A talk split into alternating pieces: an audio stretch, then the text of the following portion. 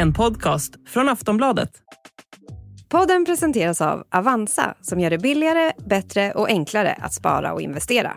Välkommen till en bank som den borde vara. Drottning Margrethe höll sitt traditionella nyårstal och danska folket satte unisont skumpan i vrångstrupen. Jag har beslutat att det är nu det är det riktiga tidspunkt. Den 14 januari 2024, 52 år efter att jag efterfulgte min älskade far, vil jag träda tillbaka som Danmarks dronning. Jag överlämnar tronen till min son, kronprins Fredrik. En abdikation i direktsändning. Och det överraskande beskedet innebär alltså att Margretes äldste son, kronprins Fredrik, från och med nu på söndag kan titulera sig kung Fredrik den tionde. En 55-årig sportintresserad fyrabarnsfar, utbildad både på universitet och i militären, gift med Mary Donaldson från Tasmanien. En man som gjort en resa från skandalomsusad partyprins till populär tronföljare. Men som dock fortfarande skapar rubriker. Hur kommer det här skiftet att tas emot i Danmark? Varför tröttnade Margrethe och hur kommer det sig att det danska kungahuset är så omtyckt på hemmaplan? Det ska vi prata om i Aftonbladet Daily. Jag heter Olivia Svensson. Dagens gäst är vår hovexpert Jenny Alexandersson och jag vill gärna veta Jenny, tappade du också hakan under drottningens nyårstal?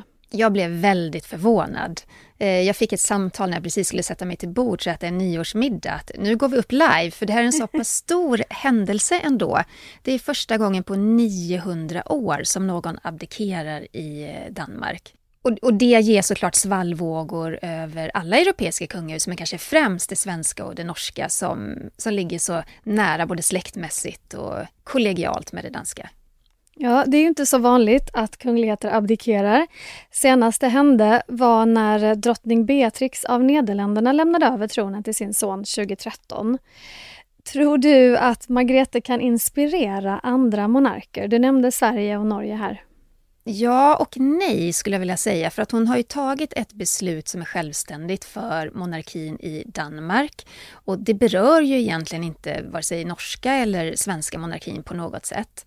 Men det är ingen isolerad händelse. Det som görs i Danmark, eh, speciellt idag med, eh, med hur snabbt nyheter sprids, det påverkar eh, folks åsikter, opinionen, den allmänna opinionen kring hur man ser på kungahuset och vad man anser att en regent ska göra eller inte göra. Och det har vi märkt här i Sverige också. Jag lovar, under det här året som kommer nu, eller som, som följer nu, så kommer ju kungen få den här frågan tusen gånger. När ska han abdikera till förmån för kronprinsessan Victoria? Och vad kommer han att svara? Om han nu svarar på frågan så säger han nej. För kungen är av den gamla skolan och eh, han är regent till den dag han dör och det har han ju nämnt vid tidigare tillfällen. Å andra sidan så gjorde drottning Margrethe också det för några år sedan och var väldigt bestämd i att man är regent på livstid. Hon har å andra sidan lidit av ganska, ja men haft det tufft med hälsan. Och hon opererade ryggen i förra året också, vilket har gjort att man ser att hon mår inte riktigt bra. Hon sitter på en stol när hon tar emot gäster på, på slottet. Hon stödjer sig med en käpp när hon går. Så hälsoproblemen har ju varit orsaken till att hon abdikerar, enligt drottningen själv. Ja, och på söndag lämnar hon alltså över till sin äldste son Fredrik. Ehm, hur skulle du beskriva Danmarks kommande kung? Han har ju passerat eh, 50 för ett tag sedan. Ehm, han har erfarenhet, han har eh, otroligt mycket kunskap i ryggsäcken, han vet hur det här jobbet ska skötas och det finns ju inte några tveksamheter kring det. Och sen har han ju också då blivande drottning Mary vid sin sida som är otroligt älskad och populär. Och de två tillsammans, jag är övertygad om att de kommer göra ett eh, fantastiskt jobb. Och man ser också hur danskarna verkligen har tagit dem till sitt hjärta. För precis i början när det här beskedet kom att Margrethe eh, abdikerar så var det ju eh, ja, men lite chock, chockad känsla kanske i Danmark. Man hade inte väntat sig det här. Eh, kanske att det var lite, så här, ja, men lite kritiskt till att ska hon verkligen göra på det här viset? Men nu när en viss tid har gått och passerat så märker man ju att man unnar verkligen drottningen, som ju kommer att ha suttit 52 år på tronen när hon kliver av. Och att man också omfamnar det här nya blivande kungaparet. Vi ska prata mer om skiftet i danska kungafabriken när vi kommer tillbaka efter den här korta pausen. Ryan Reynolds här från Mint Mobile. Med priset på nästan allt som går upp under inflationen, trodde vi att vi skulle bring våra priser down. So to help us, we brought in a reverse auctioneer, which is apparently a thing. Mint Mobile unlimited premium wireless. Ready to get 30, 30, bit to get 30, bit to get 20, 20, 20, bit to get 20, 20, bit to get 15, 15, 15, 15 just 15 bucks a month. So, Give it a try at mintmobile.com/switch. slash $45 up front for 3 months plus taxes and fees. Promo rate for new customers for limited time. Unlimited more than 40 gigabytes per month slows. Full terms at mintmobile.com.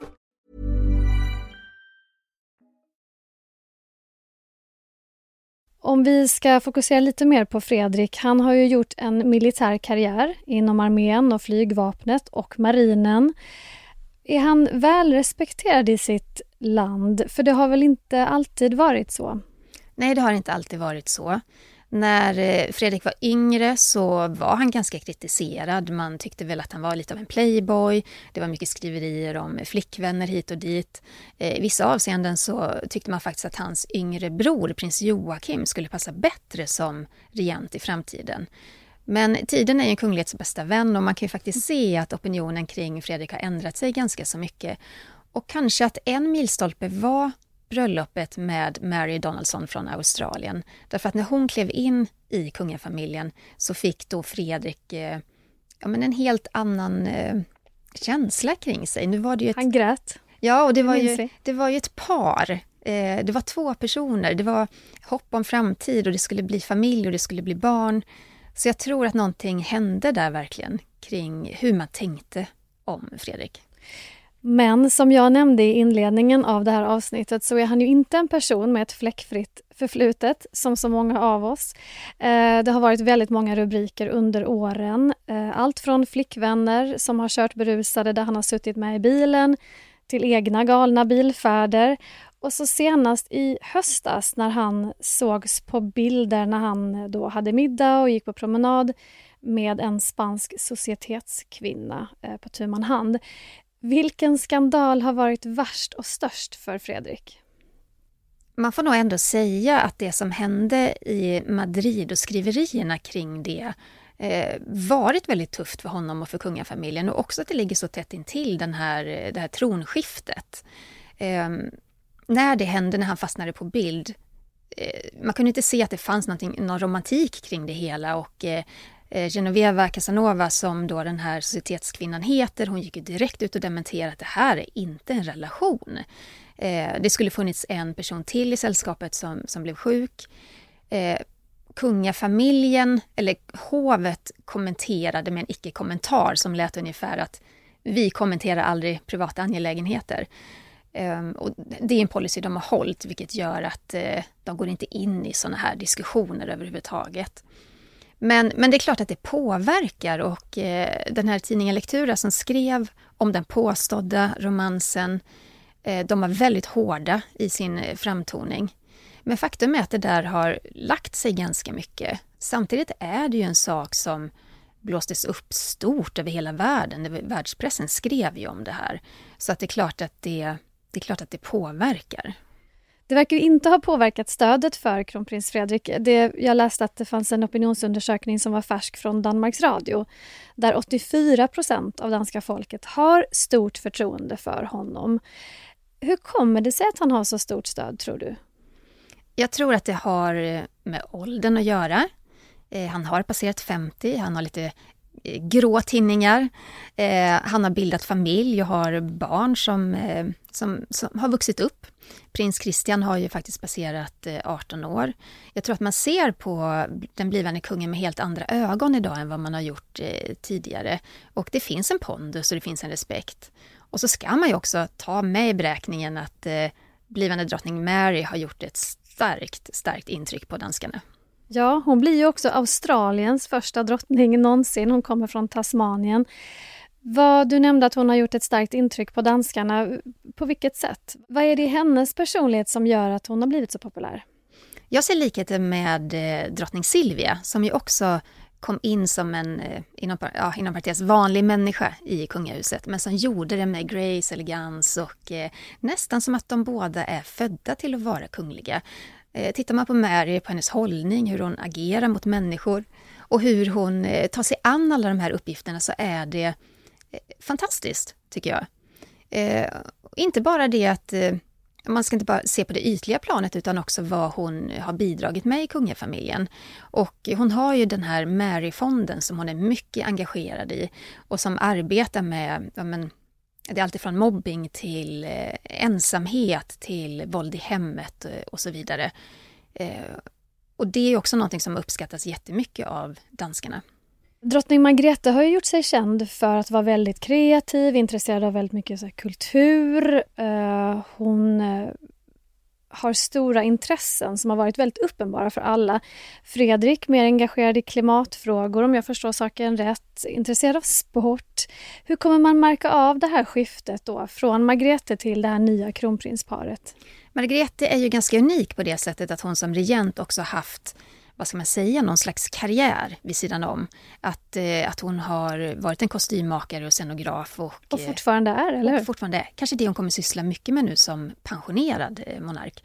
Ehm, eh, Fredrik har inte riktigt det på samma sätt. Och I vanliga fall när man tittar på regenter runt om i Europa så måste de vara väldigt breda i sina intressen. Eller det är så det har varit i alla fall. Troligtvis, jag tänker att eh, Fredrik nog kommer hålla fast vid det här miljöintresset. Eh, det ser man ju hos många av de blivande regenterna, även hos vår kronprinsessan Victoria som har det som stor passion. Men eh, jag tror att vi kommer ändå se den här första tiden i regentskapen som en period där han måste forma sin kungliga plattform. Han, vi kommer inte se några stora utsvävningar, att han tar tag i miljöfrågan på ett stort sätt och ett, på ett nytt grepp, utan hans tid nu är ju att eh, sätta formen för regentskapet. Han ska skapa sig ett, eh, ett hov och anställda och rådgivare som han behöver eh, i sitt ämbete. Så den första perioden blir ju lugn på det sättet. Och sen är det mycket för kungaparet att göra. De ska genomföra sitt första statsbesök. Det, det är många saker som, som liksom startas igång här. Och du är med på söndag förstås när den här kröningen ska ske. Eh, men du, vi pratade om skandaler tidigare Jenny och förutom de som kronprins Fredrik själv varit inblandad i, som vi nämnde, så har ju också det danska kungahuset som helhet hamnat i hetluften under åren. Kan du berätta lite, vad har de haft för utmaningar? Ja, men en sak som fick mycket stort genomslag eh, under många, många år, det var ju drottning Margretes man, prins Henrik. Eh, tidigare fransk greve, som inte alls var nöjd med att stå två steg bakom sin fru. Han ville jättegärna ha titeln kung när hon var drottning. Eh, nu funkar det inte så. Att vara kung, den titeln är förbehållet en regerande monark. Det är inte riktigt samma sak med, med drottningtiteln, men när det gäller kung så är det det. Men han gjorde flera utspel och ju senare i livet eh, desto fler hårda utspel. Han ville inte bli begravd tillsammans med sin hustru och så vidare. Många tog väldigt illa vid sig. Och sen visade det sig, eh, när drottningen gjorde ett eh, uttalande kring det här, att prins Henrik faktiskt hade drabbats av demens. Och då fick man ju en helt annan förståelse för i alla fall de här hårda utspelen den sista tiden. Men det har också stormat rejält kring drottningen, eh, speciellt när det gäller kungliga titlar och den yngsta sonen i familjen, prins Joakim. Han har varit gift eh, två gånger, han har fyra barn och drottningen tog då beslutet, eh, var det ett år sedan eller två, att eh, de barnen ska inte ha prins eller prinsesstitlar. Utan de får då eh, ta sin eh, farmors, eh, eller vet du, farfars grevetitlar och använda istället. Det här blev en katastrof för kungahuset därför att det visade sig att prins Joakim, det här beslutet var inte förankrat hos honom. Han var inte nöjd med det, utan han tyckte att det var fruktansvärt att hans barn inte skulle få vara prins och prinsessa. Det var och, många ledsna miner, det minns vi. Det var det, och mycket utspel i medierna. Men ändå verkar det ju inte ha skadat dem på något sätt om man tänker rent förtroendemässigt. Det känns som att de har en ganska liksom, stabil framtid här för sig, monarkin i Danmark. Det tror jag de har. De är otroligt populära och eh, omtyckta. Och det handlar ju mycket om att Margrethe som, som åldrad monark, det är ju så att danskarna har ju inte upplevt någon annan monark. Alltså en majoritet av danskarna har ju bara haft henne som drottning. Och vi ser ju likheter där med, med drottning Elizabeth i, i Storbritannien, att, eh, att britterna älskade ju henne just för att hon har alltid funnits där i deras liv. Och jag tror att det är samma sak med, med Margrethe. Och därför ska det bli extra spännande att se hur danskarna nu tar sig, tar sig an det nya kungaparet. Vad kommer de möta för reaktioner och eh, hur blir deras första tid? Spännande, det får vi se och eh, vi ser fram emot dina rapporter på söndag. Tack Jenny Alexandersson. Tack. Sist här alltså Jenny Alexandersson, hovexpert på Aftonbladet. Jag heter Olivia Svensson och du har lyssnat på ett avsnitt av Aftonbladet Daily. Vi hörs igen snart. Hej då!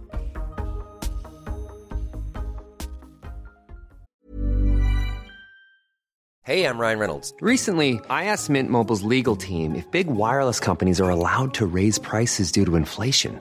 They said yes. And then when I asked if raising prices technically violates those onerous two year contracts, they said, What the f are you talking about, you insane Hollywood ass? So to recap, we're cutting the price of Mint Unlimited from $30 a month to just $15 a month. Give it a try at mintmobile.com slash switch. $45 upfront for three months plus taxes and fees. Promo for new customers for limited time. Unlimited more than 40 gigabytes per month. Slows. Full terms at mintmobile.com.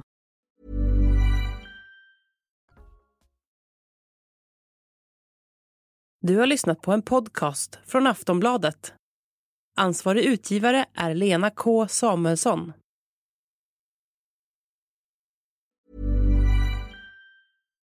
Botox Cosmetic, out of botulinum toxin A, FDA approved for over 20 years. So, talk to your specialist to see if Botox Cosmetic is right for you. For full prescribing information, including boxed warning, visit BotoxCosmetic.com or call 877-351-0300. Remember to ask for Botox Cosmetic by name. To see for yourself and learn more, visit BotoxCosmetic.com. That's BotoxCosmetic.com.